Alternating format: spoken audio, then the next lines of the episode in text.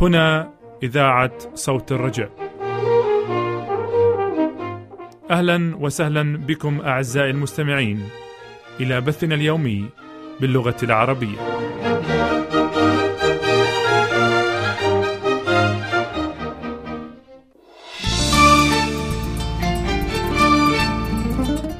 أرق وأجمل تحية يقدمها منير سلام. ونور كمال. من وراء ميكروفونات صوت الرجاء لكم أعزائي المستمعين. وسنرافقكم خلال برنامج اليوم. متمنين لكم معنا أسعد الأوقات وأمتعها. سيتضمن برنامجنا لهذا اليوم فكرة اليوم وهي فكرة للتأمل والتفكير. ومن ثم نستمع إلى عالم المرأة. برنامج نعالج فيه قضايا المرأة العصرية. وننهي برنامجنا لهذا اليوم بنحو الأفضل. خطوات تقودك لحياة أفضل. فكونوا معنا.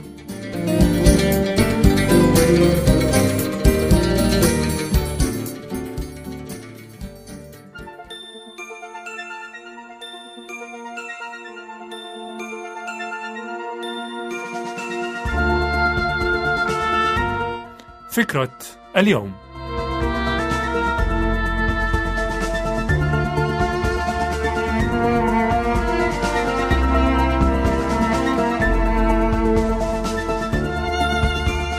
حذاري من الأوهام.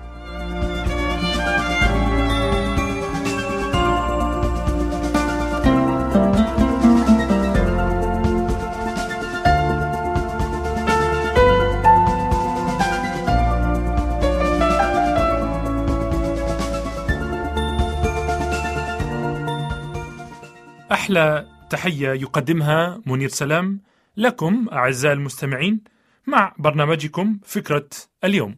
وسنعالج فكرة اليوم بعد هذا الفاصل الموسيقي. فأهلا وسهلا.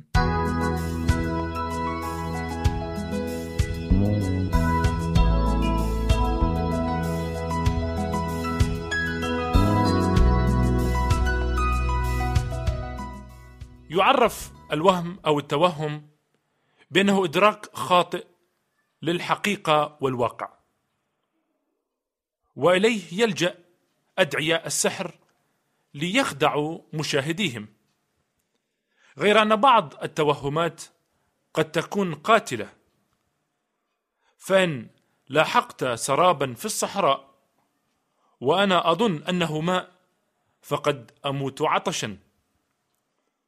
وأخطر التوهمات جميعا عزيزي المستمع هي الأوهام الروحية. ففي أيام ملاخي كف الرجال عن النظر بجدية إلى زيجاتهم وراحوا يطلقون زوجاتهم بغير وجه حق. وقال المعتبرون شعب الله كل من يفعل الشر فهو صالح في عيني الرب وهو يسر بهم. فإنهم لم يكونوا ينظرون إلى الأمور نظرة الله إليها. ونحن جميعا عزيزي المستمع معرضون لهذا النوع من الانخداع حيث تشل الخطية قدراتنا على التمييز بين الصواب والخطأ. وكما يقول أرميا النبي القلب أخدع من كل شيء من يعرفه. إن العيش في إطار توهمات من هذا النوع عزيزي المستمع ينبغي أن تستبدل به الحقيقة وربما جرى ذلك باجتياز أوقات صعبة فللشدائد والآلام طريقتها في تحذير حياتنا من زيف الأوهام. وعندئذ نصير أفضل قدرة على ملء الفراغ بالحق. وإذ نعتمد على روح الله كي يعيننا على إدراك تعاليم الكتاب المقدس وإطاعتها يحل محل الأوهام حق محبة الله وغفرانه في السيد المسيح. تلك هي الحقيقة الوحيدة التي تشبع حقا أعمق أشواقنا القلبية. وتبعث فينا رغبة مقدسة في التشبه بالسيد المسيح. نعم عزيزي المستمع تجنبا للانحراف وللانجراف بالضلال تمسك بالحق في كل مجال.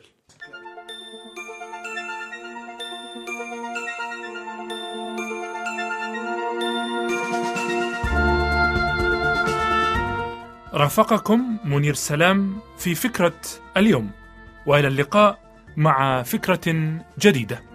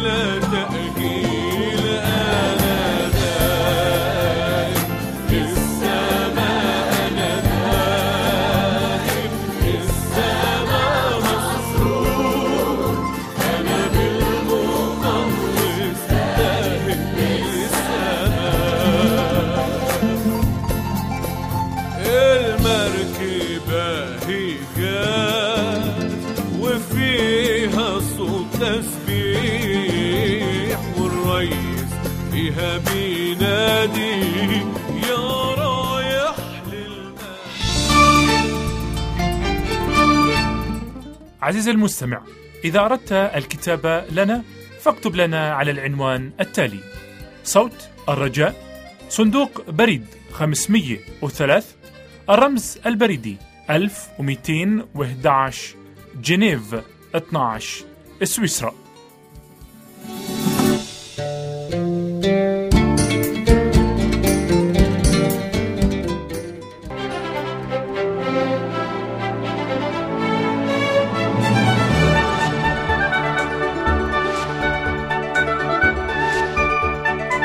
أنتم تستمعون لصوت الرجاء.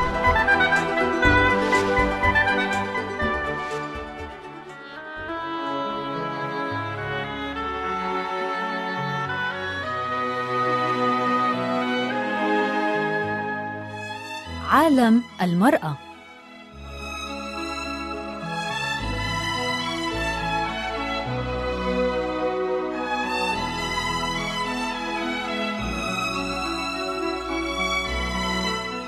سنتحدث في برنامجنا لهذا اليوم عزيزتي المستمعة عن موضوعين. يتعلق الأول أو يتحدث عن العلاقة بين النوم وإنقاص الوزن أما الثاني فيتحدث عن الثلاثينات في عمر المرأة. فاهلا وسهلا بك.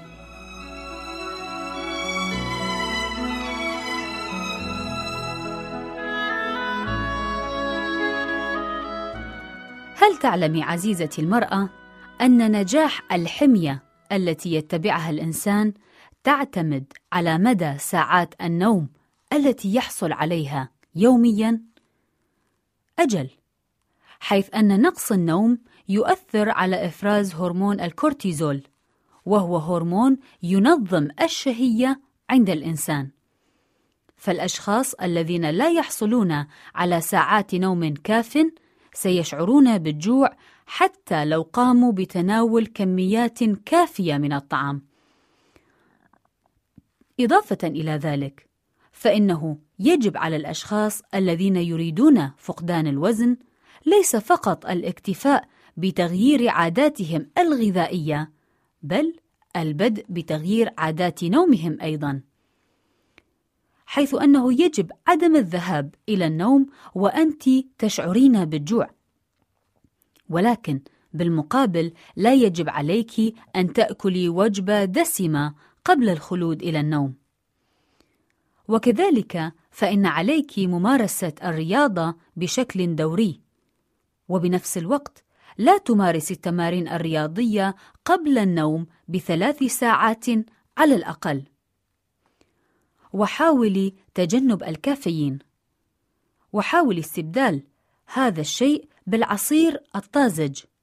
وبهذه الطريقة تكونين قد تناولت بعض السوائل والتي تعد أيضا وجبة من الفواكه. وإذا كنت تعانين من مشاكل في الحصول على النوم أثناء الليل حاولي تجنب أخذ قيلولة أثناء النهار. وحاولي التعود على الاسترخاء قبل النوم مثل أخذ حمام ساخن أو قضاء بعض الوقت في القراءة قبل النوم. حاولي عزيزتي المرأة خلق جو مناسب يشجع على النوم. أغلقي النوافذ بحيث لا يدخل الضوء إلى الغرفة، واغلقي الباب بحيث يسيطر الهدوء على المكان. وإذا لم تتمكني من النوم، لا تبقي في السرير، بل اذهبي إلى مكان آخر وحاولي عمل أي نشاط يدفعك إلى الاسترخاء. ولا تعودي إلى السرير حتى تشعري بالنعاس.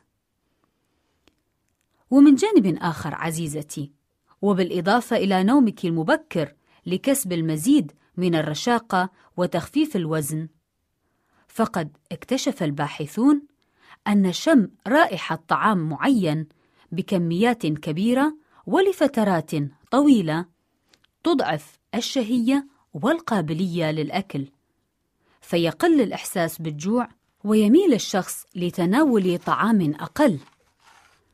حيث أوضحت إحدى الدراسات أن رائحة الفانيلا تؤدي إلى إفراز مادة السيروتونين والتي تؤدي إلى خفض الشهية أو الرغبة في تناول السكريات أو المواد السكرية.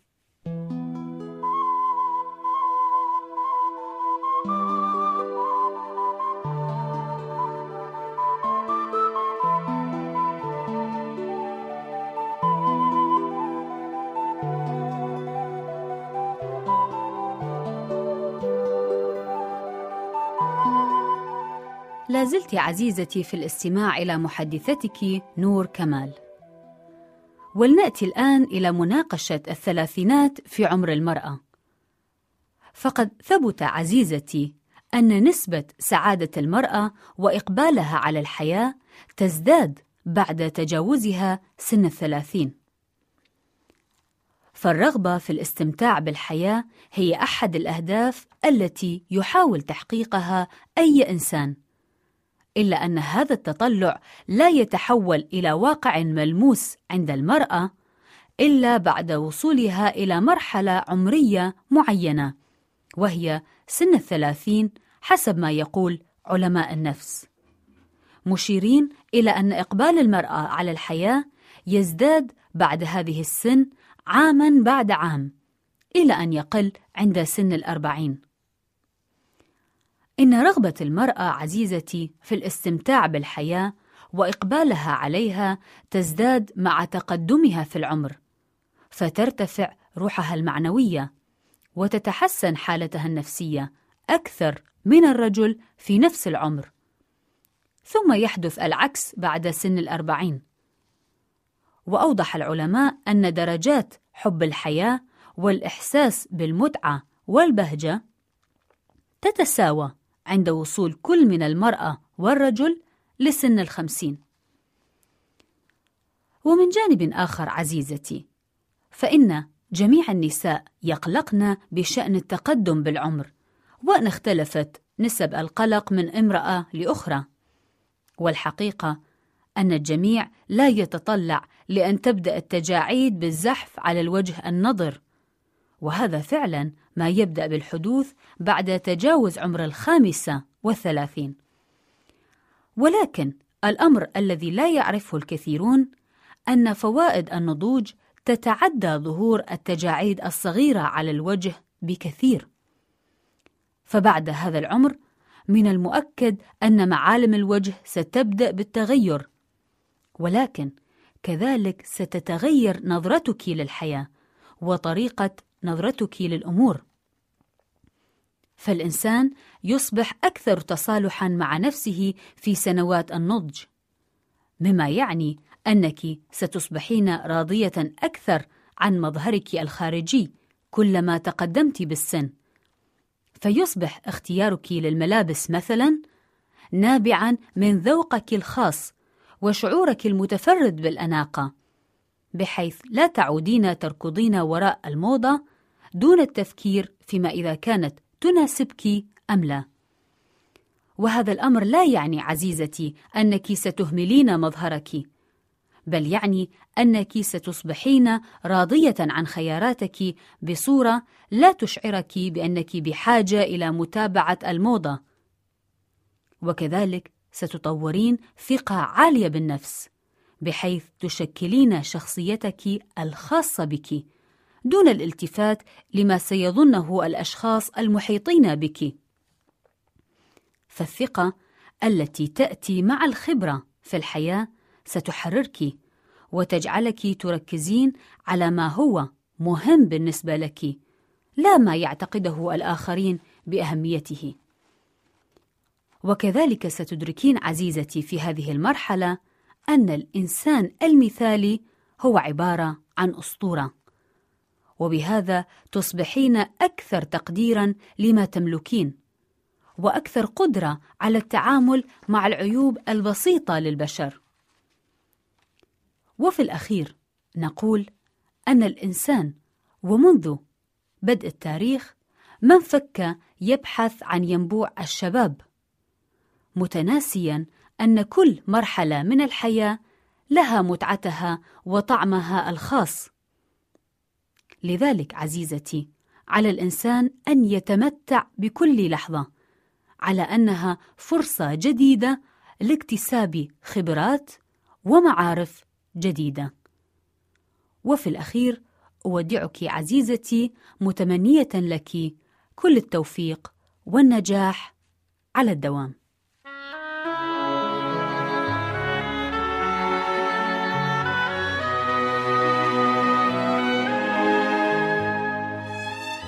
كنتم مع محدثتكم نور كمال في عالم المرأة.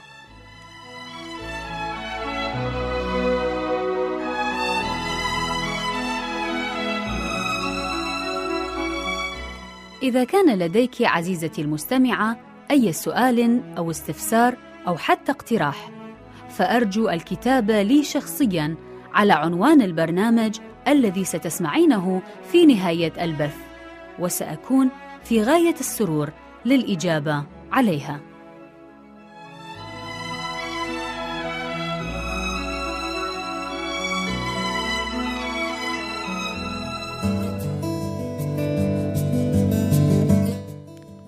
عزيزي المستمع سأكون سعيدا لاستلام مشاركاتك وأسئلتك ومشاركتها على الهواء في برنامج جديد سأقوم بإعداده.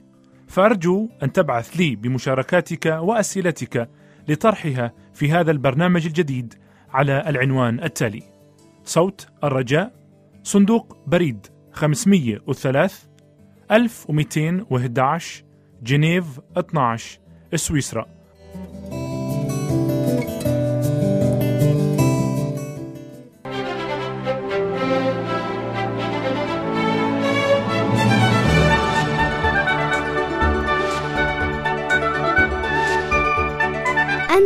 تستمعون لصوت الرجاء.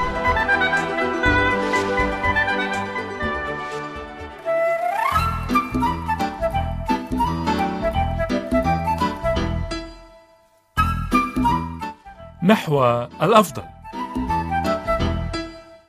برنامج أسبوعي يقدمه منير سلام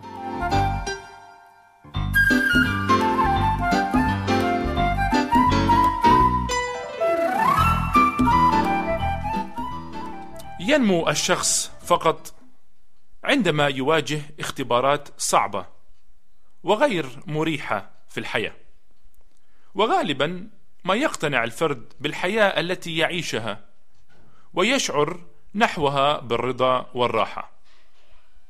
وعاما بعد عام تستمر الحياة على نمط ووتيرة واحدة. فيتكرر برنامج العمل والخدمة. وهكذا يعتاد الشخص على الحياة ويألفها لقلة ما يواجهه من صعوبات وتحديات. وهنا يعيش الفرد فيما نسميه بمناطق الراحة أو دوائر الراحة وهي مناطق ودوائر تشمل الحياة العائلية والعلاقات الاجتماعية وكذلك الحدود الجغرافية في حياة الفرد. وعندما يقرر الفرد أن ينمو ويطور مواهبه فعليه أن يخرج خارج دوائر الراحة هذه. وكلما زادت واتسعت خبرة الفرد اتسعت دائرة الراحة عنده. فالخجل مثلا يدفع الفرد لأن يعيش في عالم صغير. وبهذا تكون دائرة الراحة بالنسبة له عزيزي المستمع محدودة. والفرد الذي يحيا دائما بنظام وترتيب فان اتساع دائرة الراحة عنده يزيد من اتساع نطاق خدمته وحياته الشخصية. لذا فاتساع دائرة الراحة من شأنه اتساع الحدود التي يحيا داخلها الفرد في سعادة وينمو خارج حدود الماضي. ولكي تزيد من اتساع دوائر الراحة في حياتك عزيزي المستمع توجد وسيلتان وهما اولا دوافع النقص وتنتج أساسا من الاحتياج ولكل واحد احتياجاته الخاصة. فمثلا الشخص الذي معرفته قليلة في مجال ما تجده شغوفا في دراسة هذا الموضوع لكي يزيد من المعرفة. وثاني وسيلة هي دوافع النمو وهي الرغبة في النمو والاتساع. وأستطيع القول هنا هو أن الإنسان يكون دافعه في النمو والمعرفة وخاصة في النمو الروحي في علاقته مع الله. نعم عزيزي المستمع إن هذين العاملين مهمان جدا دوافع النقص ودوافع النمو أي أن آه، تنتج أساسا من سبب الاحتياج وأن يكون لك الرغبة في النمو والاتساع. وإنني أشجعك عزيزي المستمع لأن تبدأ أو تزيد من نضجك ونموك الشخصي. وهكذا تخطو نحو الأفضل.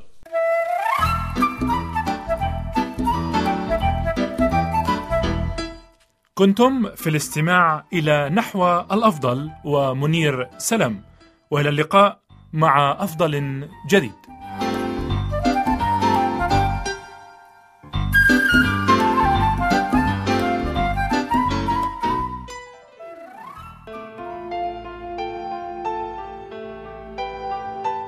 منير سلام ونور كمال. يشكرانك عزيزي المستمع لمرافقتنا خلال برنامج اليوم. وسنكون في غاية الفرح لأن نبعث لك بنسخة من حلقة اليوم أو بنسخة من مطبوعاتنا أو من دروسنا بالمراسلة. وسأكون في غاية الفرح لاستلام أسئلتك واستفساراتك ومقترحاتك وانطباعاتك والرد عليها شخصيا. وإذا ما أردت المزيد من المعلومات بشأن برامجنا باللغة العربية فاكتب لنا على العنوان التالي. عنواننا هو صوت الرجاء صندوق بريد 503 الرمز البريدي 1211 جنيف 12 سويسرا. نعيد العنوان باللغة العربية. صوت الرجاء صندوق بريد 503 الرمز البريدي 1211 جنيف 12 سويسرا. والرجاء كتابة العنوان باللغة الإنجليزية على النحو التالي. Voice of Hope P.O. Box 503 CH 1211 جنيفا 12 سويسرلاند ولك منا من وراء ميكروفونات صوت الرجاء أرق وأحلى سلام. ولك من مهندس الصوت أنور عبد المسيح نفس المحبة والترحيب. وإلى اللقاء مع برنامج قادم. وليكن الرب معكم.